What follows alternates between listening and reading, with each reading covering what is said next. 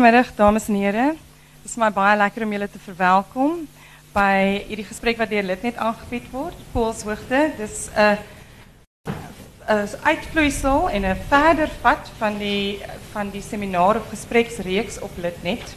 Poolshoogte waaronder wonderlike skrywers en wonderlike idees en goed uitgekom het. So julle kan gerus na hierdie gesprek ook 'n bietjie op Litnet gaan rondkrap en gaan gaan lees wat reeds gesê is. Um baie welkom aan almal op die verhoog. Ek gaan nie vreeslike lang bekendstellings doen nie want ek weet julle wil eintlik nie vir my hoor nie. So ek gaan net vinnig deurgaan. Bettina Weingart ken julle as skrywer en aktivis. Sy het met haar um debuut gebrokenis in 2010 die Jan Rabie um prys gewen. Jan Rabie rapportprys gewen, ja. Um Marga Stoffer is die uitgewersbestuurder by NB Uitgewers, lankal in die bedryf, ou hand. Um, Louise Viljoen moet ik eigenlijk zeggen professor, want zij was mijn professor. en uh, uh, uit, ook een uitstekende navorser, meer dan 40 boeken, artikels in wetenschapsjournalen. Zij beoordeelt gereeld literaire prijzen en schrijft recensies enzovoorts enzovoorts. Ons als student het altijd gezegd dat niks wat zij niet kan doen nie. um, Francis Galloway is net so 'n wonderlike navorser. Het ook al verskeie pryse daarvoor gewen en sy is dan ook die auteur van die monografie Breiten Breitenbach as openbare figuur. En Francis, jy doen ook nou weer um, navorsing oor Breiten. En ek weet jy en Louise gaan ook later in die week gesels oor Breiten, oor jou nuwe boek Louise. Nou, dis reg. Ja. Laastens Sonja wat die um, loods wat die gesprek gaan lei. Sonja het ook almal van hulle wenpryse, so die een na die ander hier. Um Sonja het ook met haar debuut Circusboere, die Eugene Maree prys in 2012 gewen en sy is dosent aan die Universiteit van Kaapstad. Goed, dan gaan ek Sonja sommer dadelik aan jou oorgee. Baie dankie. Dankie. Um ja, ons gaan begin deur na Francis te luister. Ons is hier so besig om bestek op te neem van 'n konferensie wat in die Kuberruim plaasgevind het. En ek het vir Fransis gevra om met ons te gesels oor die evolusie van die Afrikaanse skrywerskonferensie en die skrywerskongres.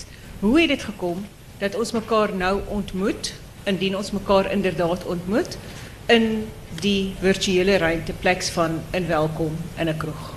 Dankie Fransis. Baie dankie Sonja. Julle moet sê as dit te hard is. Ehm um, ek gaan nou bietjie op die spoor loop van die evolusie van Afrikaanse skrywers en letterkunde byeenkomste. Nou na die erkenning van Afrikaans as amptelike taal in 1925, so ek gaan haal dit 'n ver, word die georganiseerde stryd op kulturele terrein veral deur die FHK en die ATKV behartig. Daar ontstaan egter by die dertigers en latere figure anders as by hulle voorgangers 'n behoefte om gedagtes uit te ruil en soms saam op te tree. In 1934 word die Afrikaanse skrywerskring, die ASK, ehm um, vir hierdie doel in Johannesburg gestig. En vanaf 1951 publiseer die vereniging die tydskrif vir letterkunde wat 'n platform vir gesprekvoering sou bied. In die Kaap, in teenstelling met Johannesburg, uh kom 'n klompie skrywers destyds bymekaar rondom MP van White Lou vir spontane gesprekke en byeenkomste en hulle bring in 1936 die vereniging van die vrye boek tot stand wat selfs as 'n klein uitgewery gefunksioneer het. Vir die 60ers en hulle opvolgers die, of wat ek het so stel, die 60ers en hulle opvolgers oefen hulle invloed op die gemeenskap uit deur middel van hulle skepende werk en hul betogende bydraes veral oor die verhouding tussen literatuur en die owerheid die instelling van die publikasieraad in 1963 en die wet op publikasies van 1974 en hulle hulle openbare deelname kom in die vorm van dagbladartikels, mediaverklaringe, briewe en koerante, onderhoude ensovoorts. Dit bereik 'n hoogtepunt met die 60ers simposium wat in Februarie 1973 by die Universiteit van Kaapstad aangebied is. Dit was 'n ware gebeurtenis wat terugskouend gesien kan word as die moeder van alle skrywers by einkomste.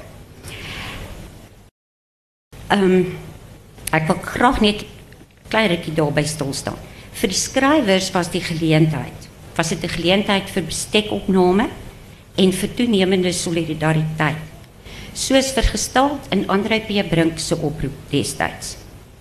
Is ons te middelmatig en te middelstanderig om werklik te wil risiko's loop? Dan sal ons stilswye self 'n veroordeling word. Kom ons sê 60 is dood. Lank lewe 70. Kom ons sê ons laat ons nie doodpraat nie en bovenal doodswyg nie. Kom ons sê hier is die plek waar ons weer begin. Dit was ook 'n gebeurtenis van besonderse betekenis vir die Afrikaans lesende publiek. Soos blyk uit die feit dat inskrywings vir hierdie kursus gestop of bywoning gestaak moes word toe dit by 480 mense uitgekom het omdat daar nie 'n groot genoeg ruimte beskikbaar was nie. So, en die joernaliste het geweldig aandag gegee aan die aan die kongres. Bovenal was dit 'n besonderse gemeenskapsontmoeting tussen skrywers en lesers en die publiek. Kort daarna volg die verbod op Brink se kennis van die aand in Januarie 74 en dit gee aanleiding tot die stigting van 'n skrywersfonds vir die moontlike appel teen die verbod en ook tot die loodsing van 'n nuwe skrywersvereniging wat gesamentlike optrede teen sensuur sou rig. 'n Klompie skrywers wat wegbreek van die Johannesburg se skrywerskring het 'n konsepgrondwet vir 'n nuwe vereniging opgestel en 'n beraad. En die woord is die eerste keer voorgestel deur Chris Barnard. Is by Broederstroom gereël waar tydens die Afrikaanse skrywersgilde in Julie 1974 gestig is. Hierna sou die skrywersgilde 9 berade reël tot in 1984. Altyd met ernstige deurdagte referate oor aktuelle aangeleenthede. Hierdie oorgang na die demokratiese bestel het die skrywersgilde se aanvanklike bestaansgrond vir uh, is dit vervul en die vereniging het dormant geraak. In Oktober 84, dis dieselfde jaar waarin die laaste skrywersgilde kongres plaasgevind het, is die Afrikaanse letterkunde vereniging gestig, die ALV. Dis 'n vereniging wat na die vakbelange van Afrikaanse letterkunde omsien. En um hierdie vereniging het van krag tot krag gegaan. Tydens verlede jaar se kongres was daar 90 mense wat geregistreer het. Daar was 58 referate gelewer. En tydens die geleentheid is daar vir die eerste keer 'n daglange werkswinkel vir nagraadse uh studente gehou waarby hulle hulle werk kon aanbied en toets en hulle hulle referate toets voor die hoofkongres. En die ALV het 'n lyfblad met die uh, titel Stilet. Daar's ook ander vakverenigings wat kongresse reël. Die eerste swart Afrikaanse skrywer simposium is in April 1985 by die Universiteit van Wes-Kaapland gehou. Die uh, en na die tweede uh, simposium 10 jaar later in 95 is die Afrikaanse skrywersvereniging, die ASV in 1996 gestig. En in Oktober 2005 is die derde swart Afrikaanse skrywer simposium gehou. Nou is ons in die 2000s, amper klaar. In die vroeë 2000 was daar 'n vurige debat gedryf deur middel van 'n e-pos verspreidingslys genaamd Boekebelange en later die Boek en Daba Forum van Litnet oor kwessies wat die produksie van Afrikaanse fiksie en die implikasies daarvan vir Afrikaanse skrywers geraak het. Dit loop uit op twee skrywers by einkomste gesprekke. Tydens die laaste een is eintlik besluit dat die Afrikaanse skrywers vereniging die uh verteenwoordigende skrywersvereniging sal wees. Ongelukkig het die hele poging eintlik versand. In Oktober 2012 vind die eerste algemene vergadering van Pen Afrikaans op Stellenbosch plaas. En die vereniging se doelstellings is om die belange van Afrikaanse skrywers in die wydste sin van die woord te beskerm en te bevorder. Dit beoog egter nie om berade aan te bied nie. Intussen is Litnet in Januarie 1999 gestig. En dit het spoedig 'n volwaardige interaktiewe aanlyn tydskrif ontwikkel in uh, interaktiewe aanlyn tydskrif met sedert 2008 sy eie geakkrediteerde akademiese joernaal, Litnet Akademies. Die moontlikhede wat hierdie kanaal bied vir skrywers en letterkunde berade is reeds vroeg ontgin. In 2000 word die eerste aanlyn beraad getitel Briewe deur die lug aangebied met 'n openingsrede wat ehm um, baie aandag getrek het van Breiten Breitenberg en 40 ander bydraes. In 20 in 2004 ehm um, neem 53 stemme deel aan 'n meertalige beraad, Young Voices. En verlede jaar se beraad is genaamd Poolshoogte is 'n bestekopname van die stand van sake na twee dekades van demokrasie. Hierdie beraad het die potensiaal om 60000 mense te bereik. Want dit is tans omtrent die aantal unieke lidnet besoekers per maand geskat. Nou maar. Besoekers kan ook nou reageer op hierdie bydraes. Onderaan die bydraes, die referate of op die lidnet Facebook. So, ons het inderdaad ver gevorder van daardie eerste byeenkomste in die in die 30 jare in Johannesburg en in Kaapstad. En uh hulle gaan nou verder oor wat dit alles gebeur op hierdie nuutste beraad. Baie dankie Francis. Soos ek aanstap, gaan julle die Afrikaanse letterkunde en die uh, stand van die Afrikaanse lettere en literatuurbeskrywing uit verskillende hoeke aangebied hoor. Die taak wat wat Francis gehad het was om net te besin oor die platform, die kanaal waarmee ons met mekaar gesels. Die vraag waarmee ons worstel is, is dit nog 'n sinvolle manier waarop Afrikaanse skrywers met mekaar praat? Is dit 'n gemeenskap met sinvolle interaksie? Waar is die gesprek as dit nie by 'n uh, um ruimte soos is? Ek laat die vraag vir die oomblik daar, want ek wil graag aangaan na professor Louise Viljoen wat uit 'n ander hoek uit gaan gesels met ons oor tendense in die literatuurbeskrywing. Wat is dit wat op die oomblik uitstaan? Wat is dit wat ons opgewonde maak? Wat is dit wat anders en niet is? Dankie Louise. Dankie Sonja. Uh, ik wil net uh, aan die begin zeggen dat ik uh, denk die idee om zo online beraad uh, te beginnen uh, aan die kant van Litnet was een fantastische idee. Ik denk als een mens gaan zitten en jij leest systematisch door al die bijdrages, krijg je eigenlijk een baie goede indruk van uh, wat leef op die oomblik in die Afrikaanse letterkunde, wat sê 'n baie wye verskeidenheid van mense daaroor. En dit herinner my eintlik ook aan die um State of the Discipline ondersoeke wat die American Comparative Literature Association elke 10 jaar doen. Uh op die oomblik uh, hulle het in 2005 'n groot uh uh, aanlyn, ek weet nie of hulle dit 'n beraad noem nie, dit is eintlik 'n klomp bydraes wat reflekteer oor die state of the discipline wat in hulle geval comparative literature is. Baie boeiende uh, bydraes en uh, vir jare is daar weer een 2015 en uh, mense uh, wat belang het by daardie dissipline lewer bydraes en gee eintlik uh, baie interessante perspektiewe wat ook vir ons uh, hier te lande ter sake is. Ik zal zo een beetje uh, reflecteren aan de hand van wat ik alles daar gelezen heb. Zal ik reflecteren over wat ik denk is die interessante benadering op die ogenblik of wat is die relevante benadering op die ogenblik in die literatuurstudie. Als ik nou moest praten ook over die thema's in die letterkunde, zou het misschien een beetje te lang uh, en te vervelig raken. Ik is maar een academicus.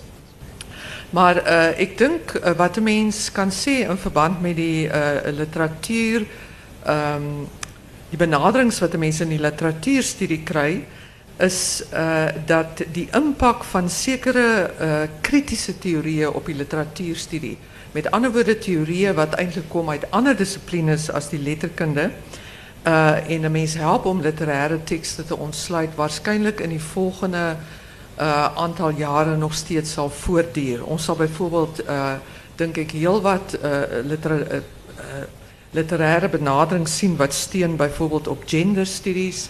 Ons sal heelwat psigoanalitiese lesings van tekste sien. Ons sal tekste sien wat eintlik teorieë oor identiteit wat uit die veld van kulturele studie kom. Uh, sal ons nog uh, baie sien in die uh, literatuurstudie, die Afrikaanse literatuurstudie. En ik denk die focus uh, op ruimte, wat ook put uit de groot verscheidenheid van disciplines, zal bijvoorbeeld aangewend worden om die representatie van steden, van plaatsen, uh, die uitbeelding van grondkwesties en die uitbeelding bijvoorbeeld van wat ons die natuur noemt. Dit zal ons nog steeds uh, volop zien, denk ik, in die uh, literatuurbenaderings, in die Afrikaanse literatuurstudie. Uh, een van die interessante dingen wat mij opvalt, denk ik, is dat het bij tallen van die mensen wat deelgenomen aan die debat, een um, factor was dat die invloed van die postmodernisme, wat zo sterk was in die tachtiger en vooral in die negentiger jaren, uh, bezig is om stadig aan te kwijn. En uh, wat ik hier wil zeggen is dat ik denk die postmodernisme het uh, binnen die Afrikaanse letterkunde eigenlijk baie belangrijke werk gedaan. Uh, in die zin dat het uh, mensen gehelpen het om eigenlijk die meesternarratieven in, in Zuid-Afrika en in die Afrikaanse letterkunde was dit meestal die meesternarratief uh, van die wit heteroseksuele man te bevraagteken. Dit het ons gehelp om uh, in te zien dat taal werkelijkheid skippend is. Uh, dit het ons gehelp om machtsverhoudingen te ontleed enzovoort. So die postmodernisme was een uiterst nuttige werktuig voor ons en dit denk ik het in Suid-Afrika nogal interessante vormen aangeneem. Uh, dit het een groter soort van sociale relevantie gehad als wat het misschien sê nou maar in Europa gehad het. Dit lijkt echter voor mij, en uh, dit tel ik ook op bij baie van die bijdragers, alsof die meest extreme vormen daarvan gedateerd is. Uh, en iets wat een beetje buiten die beraad lijkt, uh, is dat het voor mij lijkt alsof daar nou een beweging is in die richting van iets wat soms die post-postmodernisme genoemd wordt, wat een verscheidenheid namen krijgt en wat in zekere oorde die metamodernisme genoemd wordt. So, dit is nou nog een term wat ons moet leren kennen. En uh, daar is bijvoorbeeld die werk van uh, twee filosofen, um, Vermeulen en Van den Akker, Nederlandse filosofen, en ook hulle webwerf Notes on Metamodernism wat nogal interessant is. En alhoewel ik niet saamstem met die meeste van die, uh, of, of met die amper karikatuurachtige manier waarop hulle die postmodernisme teken nie, uh, neem ik beslis kennis van hulle siening dat die postmodernistische tendensies nou nieuwe vormen gaan aannemen. Hulle sê dat die wêreld is staan baie sterk uh, onder die druk van groot finansiële krisisse, van uh, politieke onstabiliteit wat eintlik globaal manifesteer en ook van uh, onzekerhede in verband met uh, die ekologie en uh, die klimaat. En uh, hulle meen dan dat hulle by uh, talle um, creatieve personen, bij schrijvers, bij uh, visuele kunstenaars, bij beeldhouwers enzovoorts, uh, een nieuwe soort van houding uh, raak zien. Hulle sou bijvoorbeeld sê tijdens die modernisme was die kunstenaars fanatisch en of naïef. Tijdens die postmoderniste was hulle apathisch en of sceptisch. Ik denk dit is een beetje een uh, simplificering vereenvoudiging van die zaak. Maar uh, nou ja, en dan meen hulle merk hulle deesdae op uh, 'n soort wat hulle noem 'n ingeligte naïwiteit of 'n soort pragmatiese idealisme. 'n Houding wat sê uh ons weet dat wat ons doen miskien nie die finale oplossing is nie, dat dit moontlik uh nie gaan werk nie, maar desnieteenstaande probeer ons en volhard ons om iets nuuts te probeer doen. Nou, ik denk daar die element een mens misschien raak in die letterkunde, letterkundige skippings. Een ander uh, neiging, denk ik, uh, wat deur, of een andere behoefte wat weer tallen van die mensen uitgesproken is, wat deelgeneem het aan die Poolshoogte debat, is die behoefte eigenlijk om die literatuurstudie te laten kennis nemen van die groter realiteit buiten die letterkunde. En dit eintlik dan ook 'n meer ehm um, etiese begronding te gee. En een van die behoeftes daar is aan een sterk sociale betrokkenheid. En ik denk dit is iets wat deur die metamodernisme ook 'n bietjie opgetel word.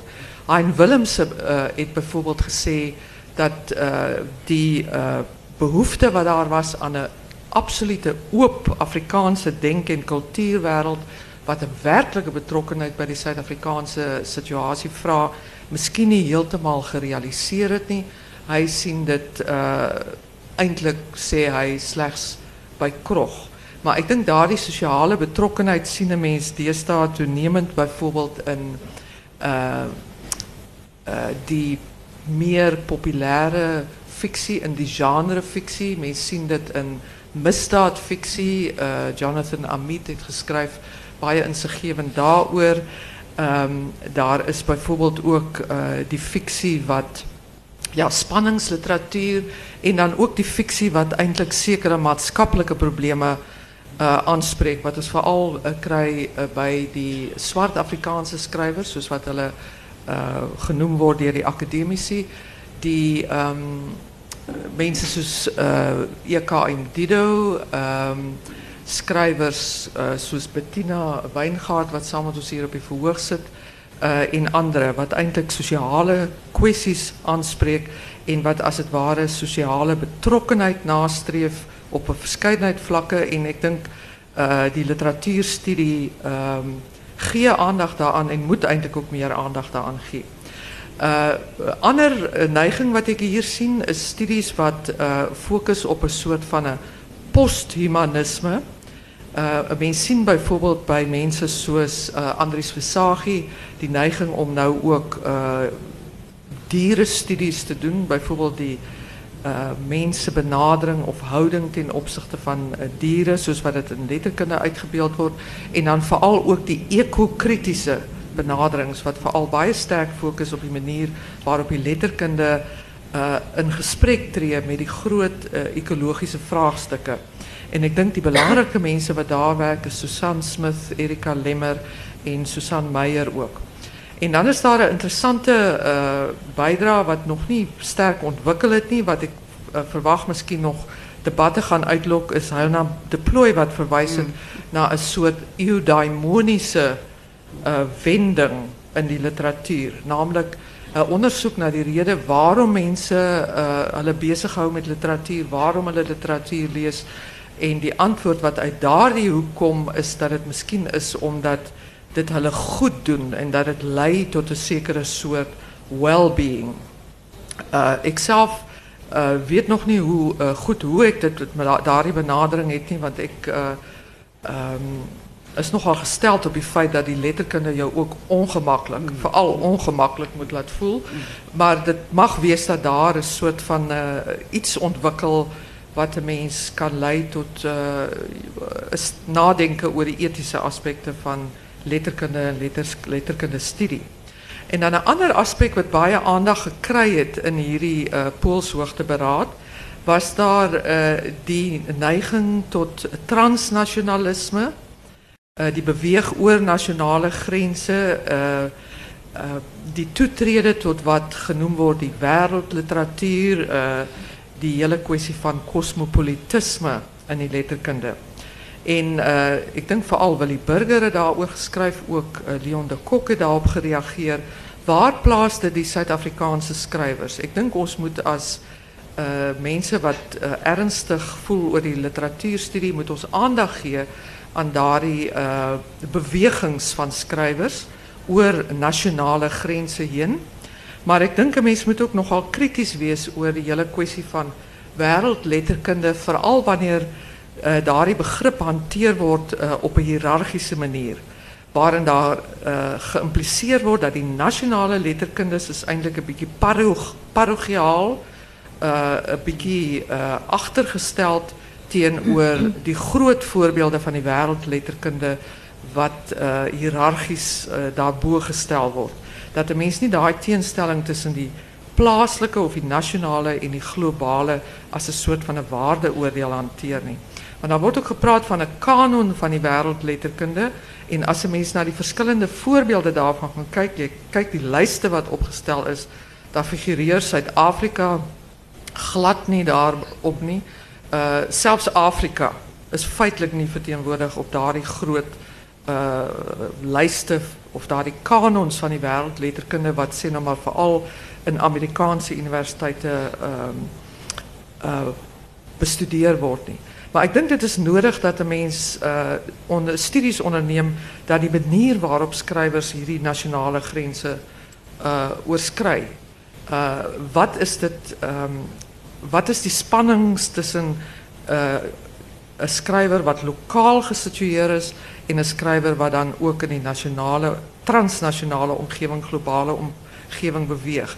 Wat is, die, wat is dit wat op een globale vlak lezers aanspreekt? Wat is dit wat op een lokale vlak lezers aanspreekt? So, ik denk het is eh, nodig dat daar die aspecten bestudeerd wordt. En ik denk dan moet die transnationale ook niet altijd net verstaan worden als een beweging van een klein nationale domein, zoals die Afrikaanse letterkunde of die Zuid-Afrikaanse letterkunde, naar die groter en belangrijke uh, Engelstalige of Europese letterkundes niet. Maar ons moet ook die transnationale bewegings tussen kleiner letterkundes, tussen die Afrikaanse letterkunde in Suid-Afrika en die Engelse letterkunde in Suid-Afrika. Die kleiner letterkundes in uh Afrikaanse letterkunde en iets soos die Nederlandse letterkunde wat eintlik ook uh, 'n klein letterkunde is. So uh ek dink daardie soort studies is belangrik. Ek sien ook elemente daarvan. Daar's al hoe meer ondersoeke in daai rigting. En daarbij sluit natuurlijk aan uh, vergelijkende studies wat gedaan wordt, vooral over Afrikaanse en Nederlandse werk.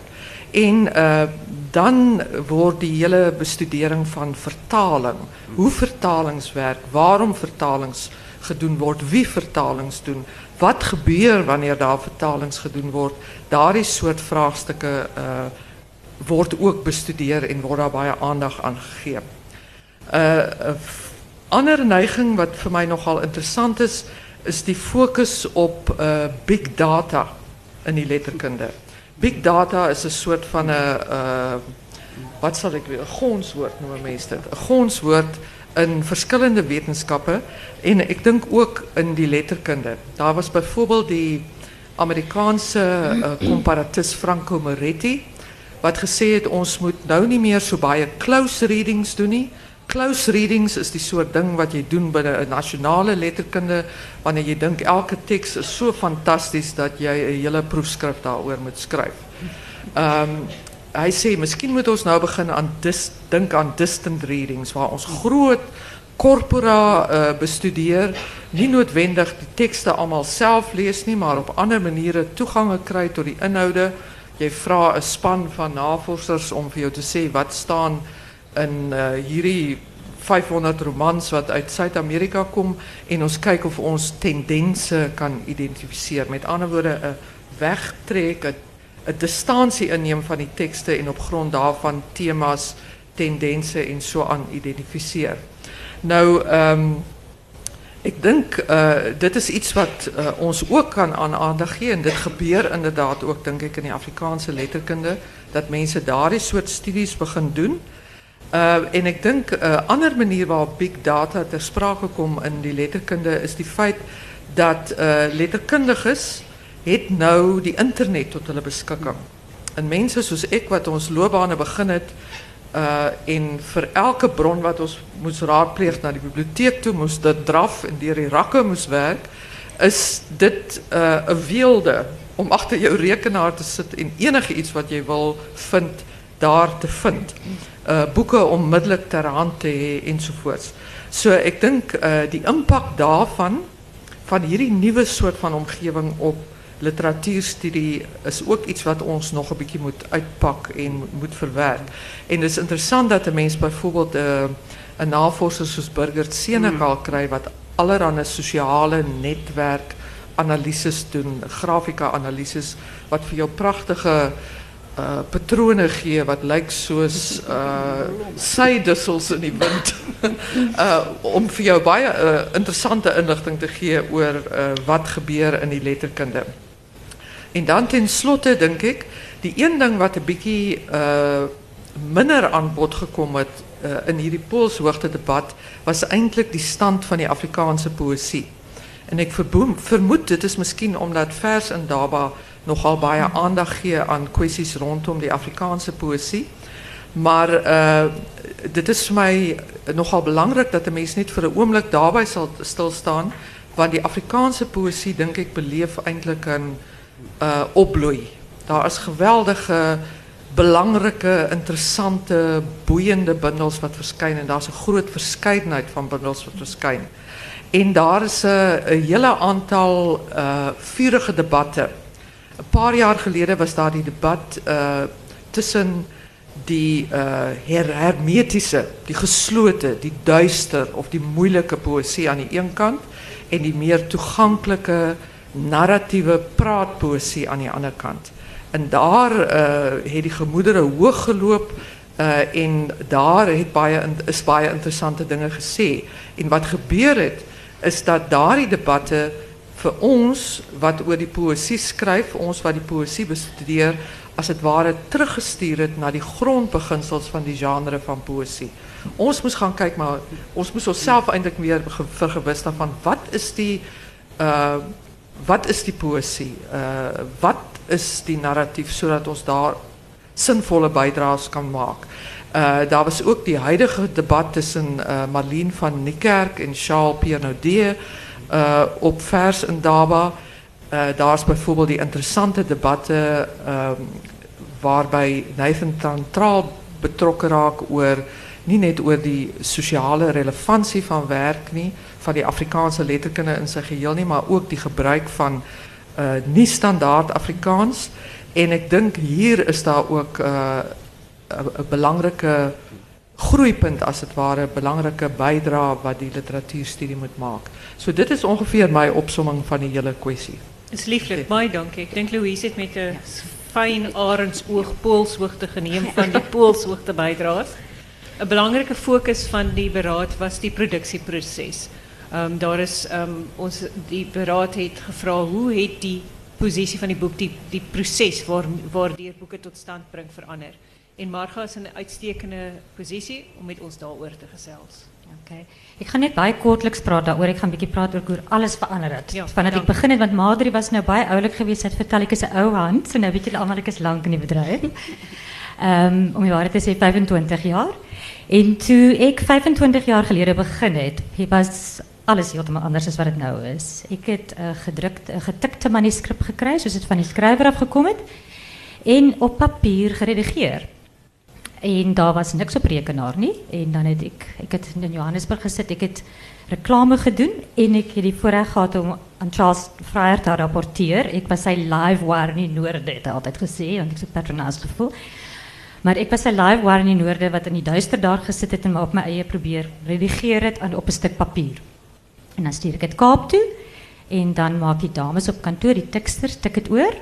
En hulle stuur dit naar die drukkers toe waar dit getypeset word. Hè? So, en toe, jare, paar jaar later, toe begin ons werk op Zyrite. En dan gaan stuur je dit, dan je daarom nou een ontwerper. Wat dan een soort programma het hulle dit alles zet, zodat je formatering nou wegkomt. So, dit is ons op rekenaar. Nou is dit heeltemal anders. Ons werk in InDesign. Dit is alles daar's geen films meer betrokke nie. So as fabriek afbrand, ehm um, is daar geen onvervangbare films wat wat wat jy net nooit weer sal kan kan kan maak nie. Dit is alles op rekenaar, dis open files, PDFs en ja, ons het op kantoor op stelsels. So gaan alles alles gaan baie vinniger, maar die hele uitgewersproses het ook baie meer mededingend geraak oor die jare toe ek begin het, daai reklame deel van die werk wat ek gedoen het, was eintlik skrywers wine and dine. Ons media mense. Ons het weet die publishers lunch was 'n was 'n groot ding geweest. Nou ek het verskriklik baie respek vir mense soos Koos Human. Ehm maar die manier waarop hulle besigheid gedoen het was om 'n middag af te vat. En soos hulle van Koos het, he, he was a legend in his lunchtime. Um, en dit is ek het die eerste week na mijn eerste week van werk achter die rug het, het ek vir 'n vriendin vreeslik opvonde geweldig gesê jy sal nooit glo nie, maar my werk is om mense uit te neem vir ete. Dit het helaas verander. Baie. Ons doen baie minder etes, ons werk hard.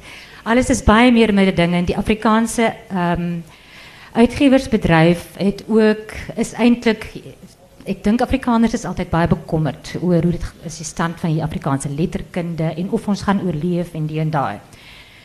Van 2004 af word daar verkope gemeet in die Suid-Afrikaanse handel. Dit word gedoen deur Nielsen Bookscan. En in die 2004-2005 het hulle 'n kleiner paneel gehad. Van 2006 af was die paneel werklik groot want hulle het toe verleserskring byvoorbeeld bygekry en daar het hulle daar 'n paar ander groot handelaars bygekom. En as jy dus van 2006 af kyk, kan jy sien dat ehm die dat Afrikaans, as jy net na na die verkope ook. Ek moet net sê hulle hulle meet anders as wat uitgewers meet. Ons meet wat ons verkoop aan boekwinkels. Nielsen meet aan wat uit daardie boekwinkels uitverkoop. So dit gee 'n baie meer akkurate idee van wat regtig in die mark aangaan. Dis ook iets wat ons vroeër nie gehad het nie, né? Ehm en wat ons daar sien van 2006 af is dat daar geweldige groei was in die verkope van Afrikaanse plaas natuurlik plaaslike, maar Afrikaanse boeke ten koste van Engelse plaaslike boeke. Ehm en ook dat daar 'n ongelooflike groei was in termen van ISBN-nummers. ISBN-nummer is een nummer achter op je, op je boek, zoals jullie allemaal weten. In elke boek is zijn eigen ISBN-nummer. Met andere woorden, als daar nou twee of drie keer zoveel ISBN-nummers is, wat gemeet wordt door Nielsen, betekent dit dat er twee of drie keer zoveel titels wat door winkels verkoop wordt op een of ander stadium. Um, en ik weet een beetje cijfers, dit is ook, moet ik van gek, ik wil niet van mensen verveel, nie? Maar als je gaat kijken naar 2006, was 63% van die boeke wat verkoop het. Um, en dit is nou volgens verkoopswaarde. 63% van die boeke wat verkoop het was Engels, 35, sê maar 36% was Afrikaans, nou was so 'n bietjie ander tale. In 2014, was nou die laaste volle jaar wat ons het, was dit 53% Engels en 45% Afrikaans. So dis 'n groot verskil. Um, als ik kijk naar nee, 2004 was het 76% en 22%, maar ik wil dit eigenlijk al buiten rekening laten. Die ISBN was die Engelse totaal was 6 in 2004 was maar 5000. Afrikaans was 3700. Nou is die Engels 8000, die Afrikaans is 7200. So dit het meer as verdubbel. Oh nee, verdubbel. Um, en als je gaat kijken naar het aantal exemplaren verkoop, is ongelooflijk. Um, bij Engels was dit in 2006 1,7 miljoen Engelse boeken wat verkoop het. Teenoor 1,2 miljoen Afrikaans. In 2014 was het 1,7 miljoen Engelse boeken wat verkoop het teenoor 1,8 miljoen Afrikaans.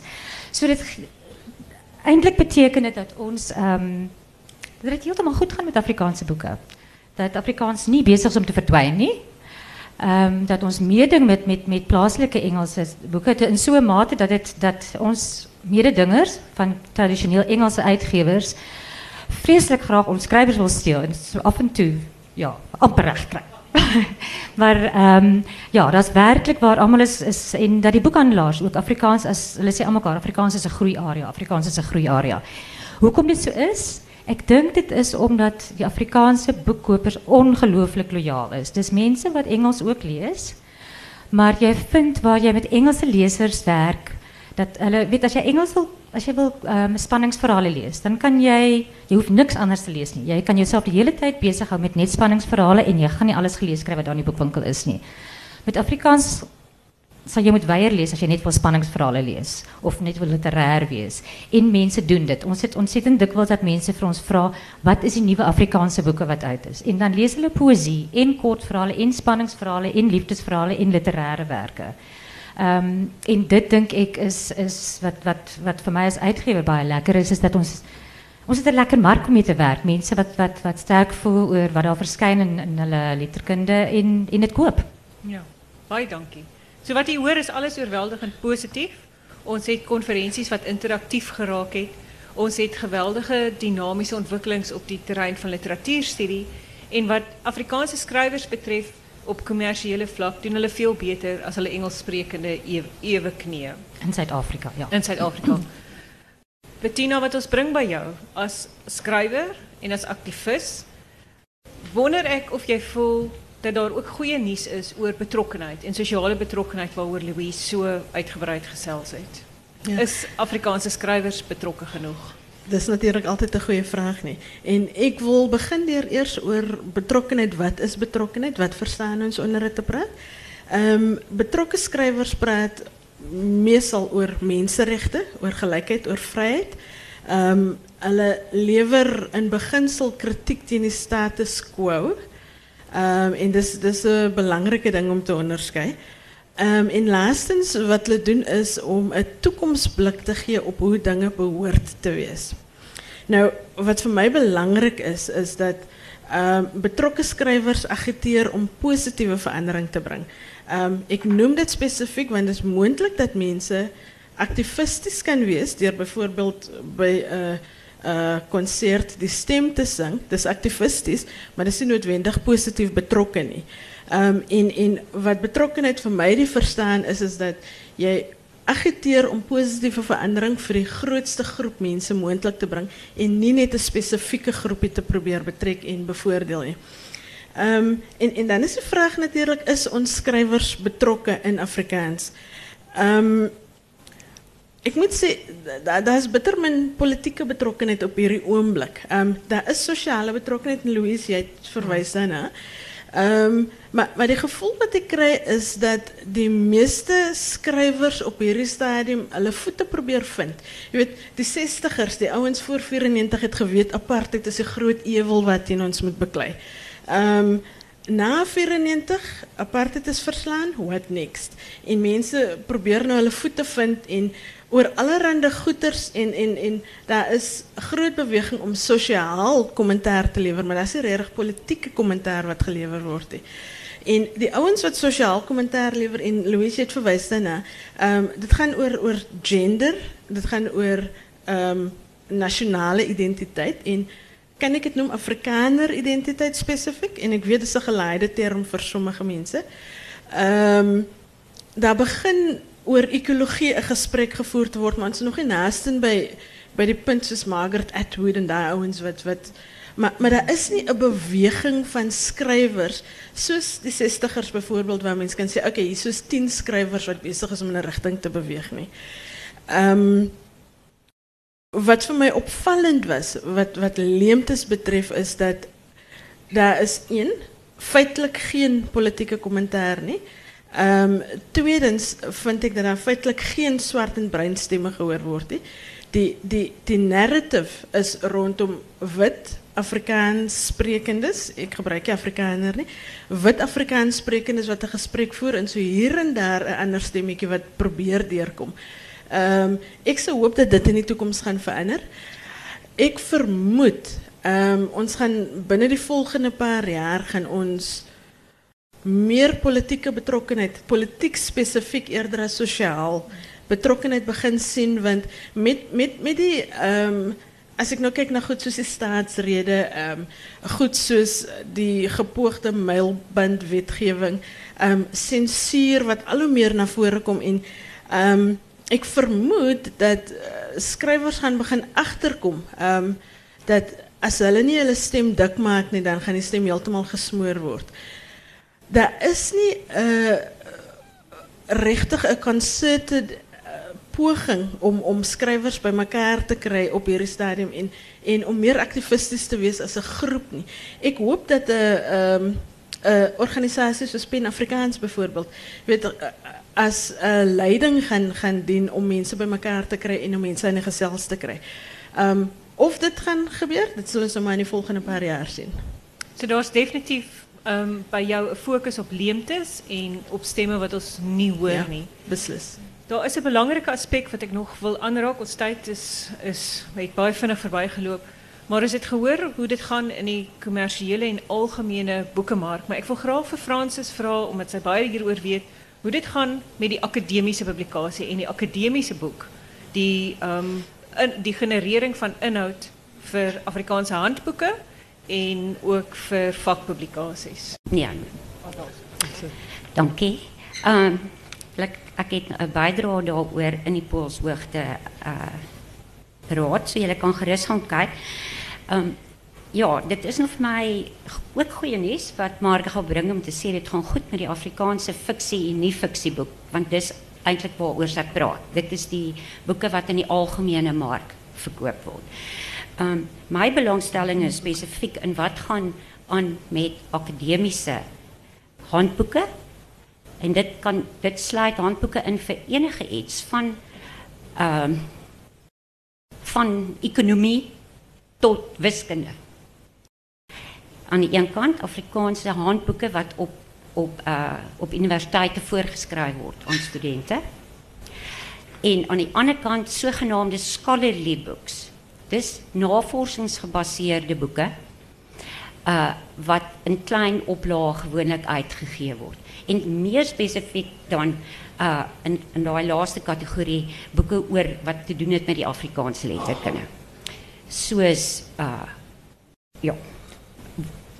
Wat ek net vinnig wil noem is daar was 'n goue tyd, een goue era vir die Afrikaanse uitgewersbedryf in die in die 80s en die vroeë 90. Daar was 'n hele klomp uitgewerrye betrokke, verskillende soorte boeke is uitgegee en in 'n tyd uh net as voorbeeld tussen 1980 en 85 is daar 85 titels uitgegee wat as Afrikaans as Afrikaanse handboeke of uh, scholarly texts gezien kan worden net met betrekking op die Afrikaanse letterkunde. 86 boeken.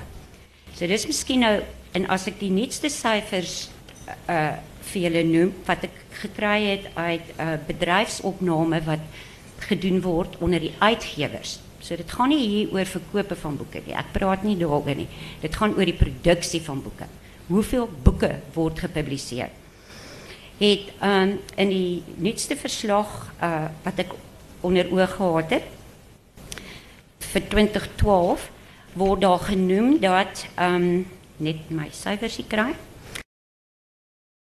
is daar slegs 9 van die 183 handboeke wat in daardie jaar vir moontlike voorskrywing op universiteit, nuwe boeke. 9 uit die 183 was Afrikaanse boeke.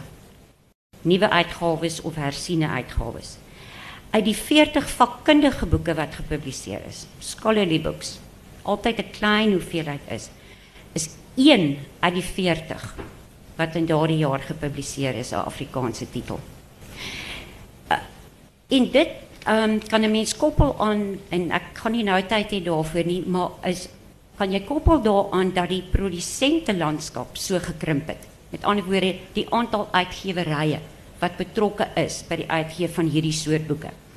Ons het vandag nie een enkele akademiese uitgewery wat toegewy is aan die publikasie van akademiese handboeke en uh vakkundige boeke nie.